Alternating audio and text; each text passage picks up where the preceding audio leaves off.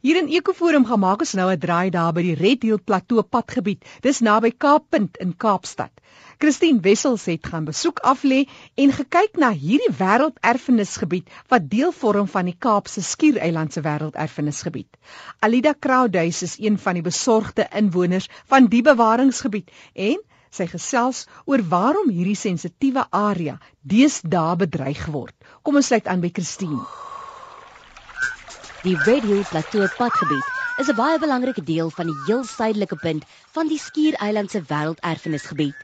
Die gebied strek vanaf Smitswinkelbaai in die ooste tot om en by by die afdraaipad na Soetwater, net na Misty Cliffs, en is vanaf 1984 wetlik verklaar as 'n bewaringsgebied en verklaar as 'n wêrelderfenisgebied in 2004. Vir besoekers aan Kaapstad, hierdie is 'n gebied baie naby aan Kaappunt. Alida Crowduys is 'n privaat grondeienaar van die Red Hill Plateau padgebied. Sy is een van 'n groepie inwoners wat hulle beywer om wette in plek te stel om seker te maak dat ekologiese fragmentasie en onoordeelkundige ontwikkeling stopgesit word en sodoende die erfenisgebied te bewaar vir geslagte hierna. Die Red Hill Plateau padgebied word grootliks besit deur privaat eienaars en dis 'n groot jammerte dat die gebied tans ontwikkel word volgens Alida deur grondeienaars wat geen belangstelling toon by bewaring nie. Risipit gesels met Alida Crowduys oor die knellende kwessies. Ons eerste stop was by die skilderagtige Smitswinkelbaai op pad na Kaapend. Ek wil eerstens by Alida weet waarom hierdie gebied as wêrelderfenisgebied verklaar is omdat die Kaapse Skiereiland se natuurlike bates is uniek. Dis deel van die fynbos van die Kaapse plantegroei koninkryk. Maar dis die mees divers en dit is baie uniek en dis hoekom dit is dit vir wetenskaplike waarde is dit baie groot en dit is so mooi. Dis ook 'n ander rede hoekom dit is. En dis reg aan die suiderpunt, aan nie die heel suiderpunt nie, maar ek meen aan die end van die Afrika kontinent. Nou die Smiths winkelbaai waar ons nou staan is 'n hele paar huise, houthuise lyk like dit my. Uh, ons staan hier aan die bokant van die paadjie. Daar is nie elektrisiteit nie, daar is nie telefoonlyne nie, daar is ook nie 'n pad tot daar nie. Die mense wat hier bly, is baie besorgd oor die omgewing en bewaar die omgewing. Ontwikkeling is 'n groot nagmerrie vir julle in hierdie omgewing. Ja, dit is definitief 'n groot nagmerrie. Want almal wil, weet omdat dit so mooi is, maar wat hulle nie besef nie, as hulle ontwikkel dan beskadig hulle dit. Te veel ontwikkeling beskadig die plek. Ek meen Kaapstad is 'n lieflike stad, maar die plantegroei wat daar was voorheen is nie meer daar nie. Dis weg. So hierdie area moet dus bewaar word en dis juist waarom jy baie slapelose nagte het want jy bly self hierso.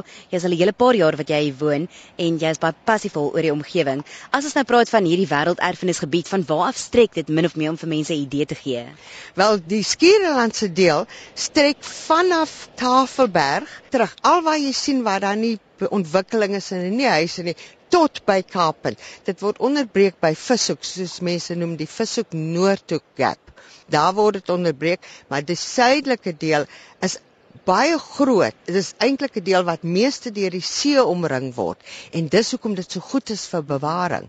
Dit is so uiters geskik daarvoor. Maar die Kaapse deel is deel van 'n groter wat genoem word die Cape Floral Region Protected Areas World Heritage Site wat in 2004 deur UNESCO op hulle lys gesit is en ingeskryf is en dit bestaan uit 8 dele soos die Hoop Natuurreservaat en die Boland Bergkompleks 8 dele. So ons is een van daai 8 dele van die groter wêrelderfenisgebied. Wat 'n wêrelderfenisgebied is met van 'n koninkryk, 'n plante koninkryk wat net in Suid-Afrika net in een land voorkom en daar's geen ander plek in die wêreld waar dit gebeur nie. Jy verwys na as 'n protected area, so hierdie areas wat bewaar moet word. Dit beteken nie dat daar mag nie mense woon nie. Daar is privaat eiendom ook, maar privaat mense kan nog steeds hierdie eiendom bewaar. Ja, definitief. Jy kan dit bewaar in watter wonderlike voorreg om deel daarvan te wees. En hulle besit dan maar jy het jou regte is baie ingeperk as jy in 'n natuurbewaringsgebied bly. Dit is net van selfsprekend dat dit so moet wees. En uh, so so jy kan nou wees maar jy moet onderworpe wees, maar in die kerngebied.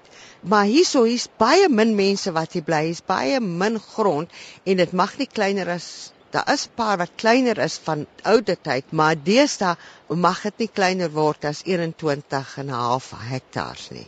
Jy mag dit nie onderverdeel nie. Nee, definitief nie onderverdeel nie, glad nie. Maar wat nou gebeur is mense vra toestemming. Hulle kry tydelik permitte om byvoorbeeld 'n area om daar te gaan woon.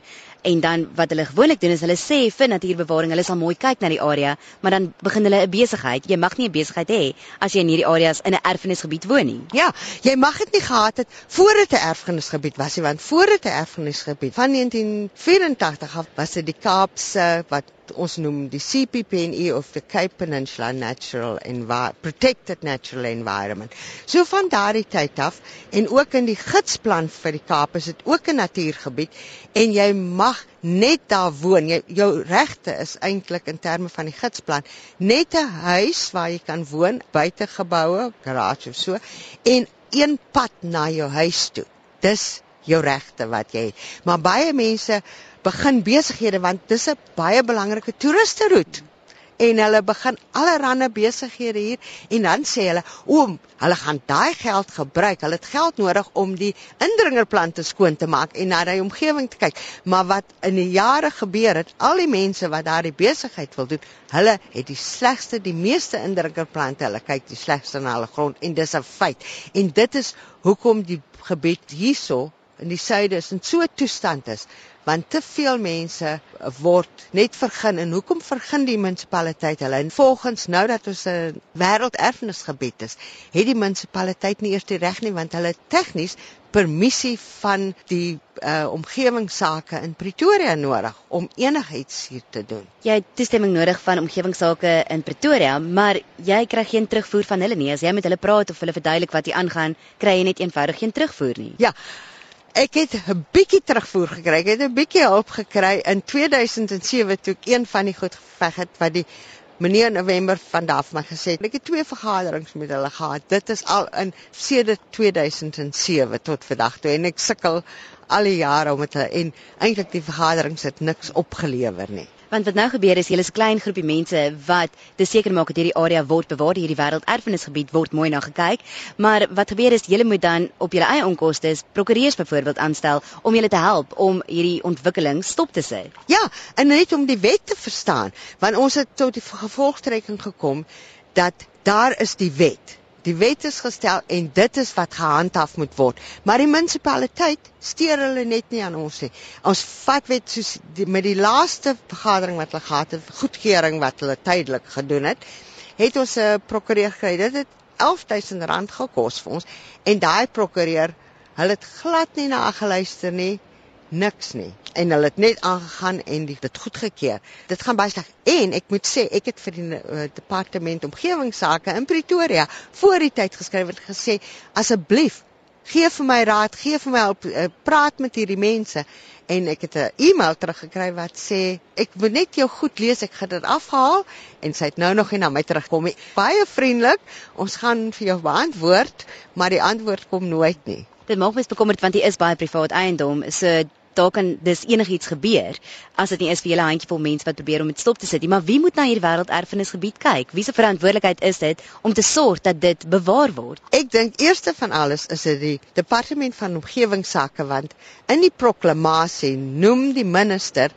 gee hy reg aan die departement omgewingsake. Dan het ons natuurlik die parkeraad hier wat kyk net na die park. Nou in terme van die wetgewing waaronder hulle gaan het hulle net die reg om grond te bestuur wat verklaar is as 'n nasionale park. Ons verstaan dit, maar hulle het baie invloed. Ek meen, hulle kan baie invloed maak om te sê vir die munisipaliteit moet dit nie ontwikkel nie. Dit moet so gedoen word, dit moet so gedoen word. Dit kan hulle meer sterk doen. En vir my doen hulle dit nie jy's baie sterk nie. Daar is 'n bestuurskomitee. Weet jy, ek bly in die, in hierdie wêrelderfenisgebied. Ek het nog niks van daai soort van bestuurskomitee gehoor nie. Wat bestaan uit departement van omgewingsake, parkeraad, Wes-Kaapse natuurbewaring en die Oos-Kaapse natuurbewaring want 'n stukkie van hierdie wêrelderfenis, een deel is in die Oos-Kaap. En hulle doen net niks nie. en die wet sê as jy volgens die wet gaan 30 Januarie 2009 ek het lank daarvoor gewag nadat ons vir amper vir 5 jaar klaar deur UNESCO 'n wêrelderfenis verklaar is. En dan moet hulle binne 6 maande, dit sê die wet, binne 6 maande moet hulle die geïntegreerde bestuursplan vir die minister wys. Ons is hele paar jaar later, amper oor 3 jaar, 3 jaar later. Die plan moet ook in uh konsulteer met privaat mense en die mense van Kaapstad rondom die wêrelderfenis. Alida, soos nie vir jou is 'n handjievol mense wat baie passievol is oor hierdie omgewing wat baie graag hierdie wêrelderfenisgebied wil bewaar nie, dan gaan niemand daarna kyk nie en dan sal daar net oornag oral ontwikkeling opslaan. Dis reg en die tragedie is, die mense wat die meeste tyd daaraan spandeer, ons is drie ou vrouens. Dis ek en in Vishoek is Sandy Barnes en Marilou van die Habitat Raad. Ons is die drie voorlopers en dan Party van die ontwikkelingsgoed, die groep, die Red Hill Conservation Group help ons met party van die goed en maar ook nie almal nie, maar dis eintlik ons drie wat slapelose nagte wat nagte deurwerk. Paar weke gelede het Marilou want sy dryf ons baie, het ek nooit die naweek omtrent geslaap nie want ons moes deur die nag werk om goed klaar te kry. En jy weet ons moet verstaan, Sandy is op die oomblik baie besig om om 'n hele geskiedenis en 'n hele ding vas te stel van die wêrelderfenis om vir die uh, munisipaliteit te sê dit is 'n wêrelderfenis dit is verklaar. Jy moet daarna kyk. Mary Lou wat jy gesê het sy's 80 ja sy's baie goed. En en Sandy so eintlik ons al drie is 'n soort van drywer ons stook mekaar aan. As 'n een bietjie moedeloos raak dan sal een of ander tyd kom een van hulle en sê ons moet dit doen ons moet dit doen dis die probleem. En dan doen ons dit maar Ons gaan nou terugry kommetjie se kant toe, so weer terug Misty Cliffs en Skabre se kant toe.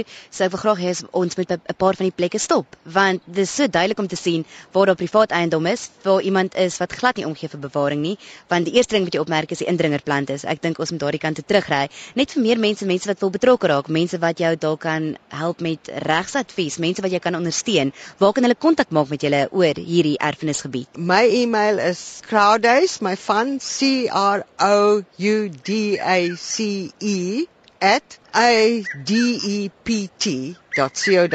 adept. Alida, ons is nou op pad terug Skabere toe. Nou hier langs die pad lyk dit amper soos Groentemarkplein, want hier is 'n klomp stalletjies. Wat gebeur hierso? Wel, dit is waar die mense verkoop, weet vir die toeriste. Dis curious. Dit is ook onwettig begin En net hier agter ons, uh, kan ons ook sien hier is baie indringer spesies, boomspesies. Hier is ook 'n uh, besigheid wat oopgemaak het. Ja, wel, dit is 'n 'n bottelplant. Hulle vat water uit die grond uit en bottel dit en verkoop dit. Dit is eintlik 'n industriële gebruik. Glad nie toegelaat in terme van die gidsplan nie. En dit vat ook die water, daai water wat hier onder die grond wat lê uitvat, gaan deur Kaapse Natuurreservaat Puntreservaat en daar is 'n vlei estuary waar baie voëls lewe. Maar dit is eintlik daai water wat vat in dit in 'n wêrelderfenis. Ek kan dit nie verstaan nie. Die munisipaliteit het dit natuurlik goedgekeur, maar as die munisipaliteit dit goedkeur, het ons nog die reg om na die by die provinsie aanhang te maak en dan moet hulle daarna kyk. Die enigste probleem is die provinsie keer altyd goed wat die munisipaliteit goedkeur, maar op die oomblik is ons nog is daardie proses nog aan die gang. Maar ehm um, jy weet ons hoop net dat die wêrelderfenis bestuursraad of wat ook al sal intree. Ek skryf hulle, ek skryf hulle dis 'n probleem, ons kry geen toevoering nie. Want op wêrelderfenis verklaar jy eh, dit sal nie deur UNESCO verklaar word tensy dit wat hulle noem besondere universele natuurlike waardes het nie en jy moet die hele area besit. Jy kan nie besluit om stukkies te gaan uitdruk nie want dan sal dit nie lankdurig voortbestaan nie. So wat hier moet gebeur is dat ons moet fokus op die natuurlike omgewing en dit gebruik as 'n toeriste attraksie, nie iets anders inbring vir toeriste nie. Dit is waar dit gaan, dis waar 'n wêrelderfenis gaan. En ons het so spesiale natuurbewaring hier. Daar is geen ander plek in die wêreld, selfs nie eens in die fynbos wat die diversiteit besit wat die Kaapse Skiereiland besit nie. En die mense, die toeriste, as hulle dit besef en ons verkoop dit aan die toeriste, kan ons 'n lang lewendige uh, toerisme deur ons natuur tot stand bring. Alida, die gedeelte waar ons nou stilgehou het, van hier af kan ons die see sien. Ons is nou hier so teen die heining van die Kaappunt Nasionale Park, 'n deel van die nasionale park. Baie interessante geskiedenis van hierdie omgewing. In 1930 het dinge verander want dit was eintlik plase gewees. Ja, dit was plase en mense het besluit dat ons moet hierdie ding bewaar. En selfs van daai boere het hulle grond gegee vir die bewaring. En dit wil sê by die laat 1930, 36, 39 is dit verklaar as 'n natuurreservaat. En wat dit vir jou wys is dat waar daar uh, mense was wat geboer het, boerdery is baie sleg vir bewaring, maar dit is herstel. En dis die punt van 'n wêrelderfenisgebied. Dit is vir ewigheid, bewaring vir ewigheid en dit is herstel. Daai boerderye is weg vandag. Mense kom nie so hulle dink nie daaraan nie. En dis hoekom ek so veg vir hierdie ander gedeelte van Red Hill Plateau Road, want al die mense wat ook al sê sê, "O, maar daar gaan boerdery aan." Of hierdie mense dit vreeslik verwaarloos. Dit kan herstel word. Ons het tot in ter ewigheid om dit te herstel.